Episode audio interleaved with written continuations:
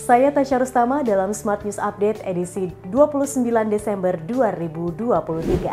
Smart Listeners, Organisasi Kesehatan Dunia atau WHO mendesak semua negara untuk melarang penggunaan rokok elektrik atau vape.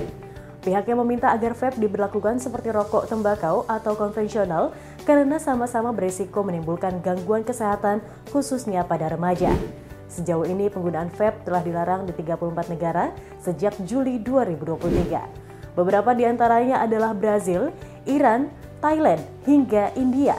Namun, di beberapa kasus rokok elektrik ini tersedia di pasar gelap. Berita selanjutnya. Operasional KRL, MRT, dan LRT Jakarta akan diperpanjang sampai jam 2 pagi waktu Indonesia Barat pada saat perayaan Tahun Baru 2024.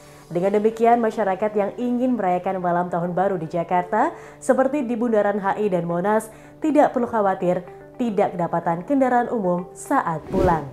Berita terakhir, laporan State of the Global Islamic Economy Report 2023 menunjukkan bahwa Indonesia menempati posisi ketiga dalam perkembangan ekonomi syariah di tingkat global. Adapun peringkat Indonesia naik dari sebelumnya, yakni di posisi keempat.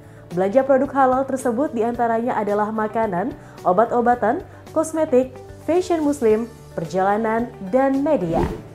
Sekian berita hari ini, sampai jumpa dalam Smart News Update edisi berikutnya.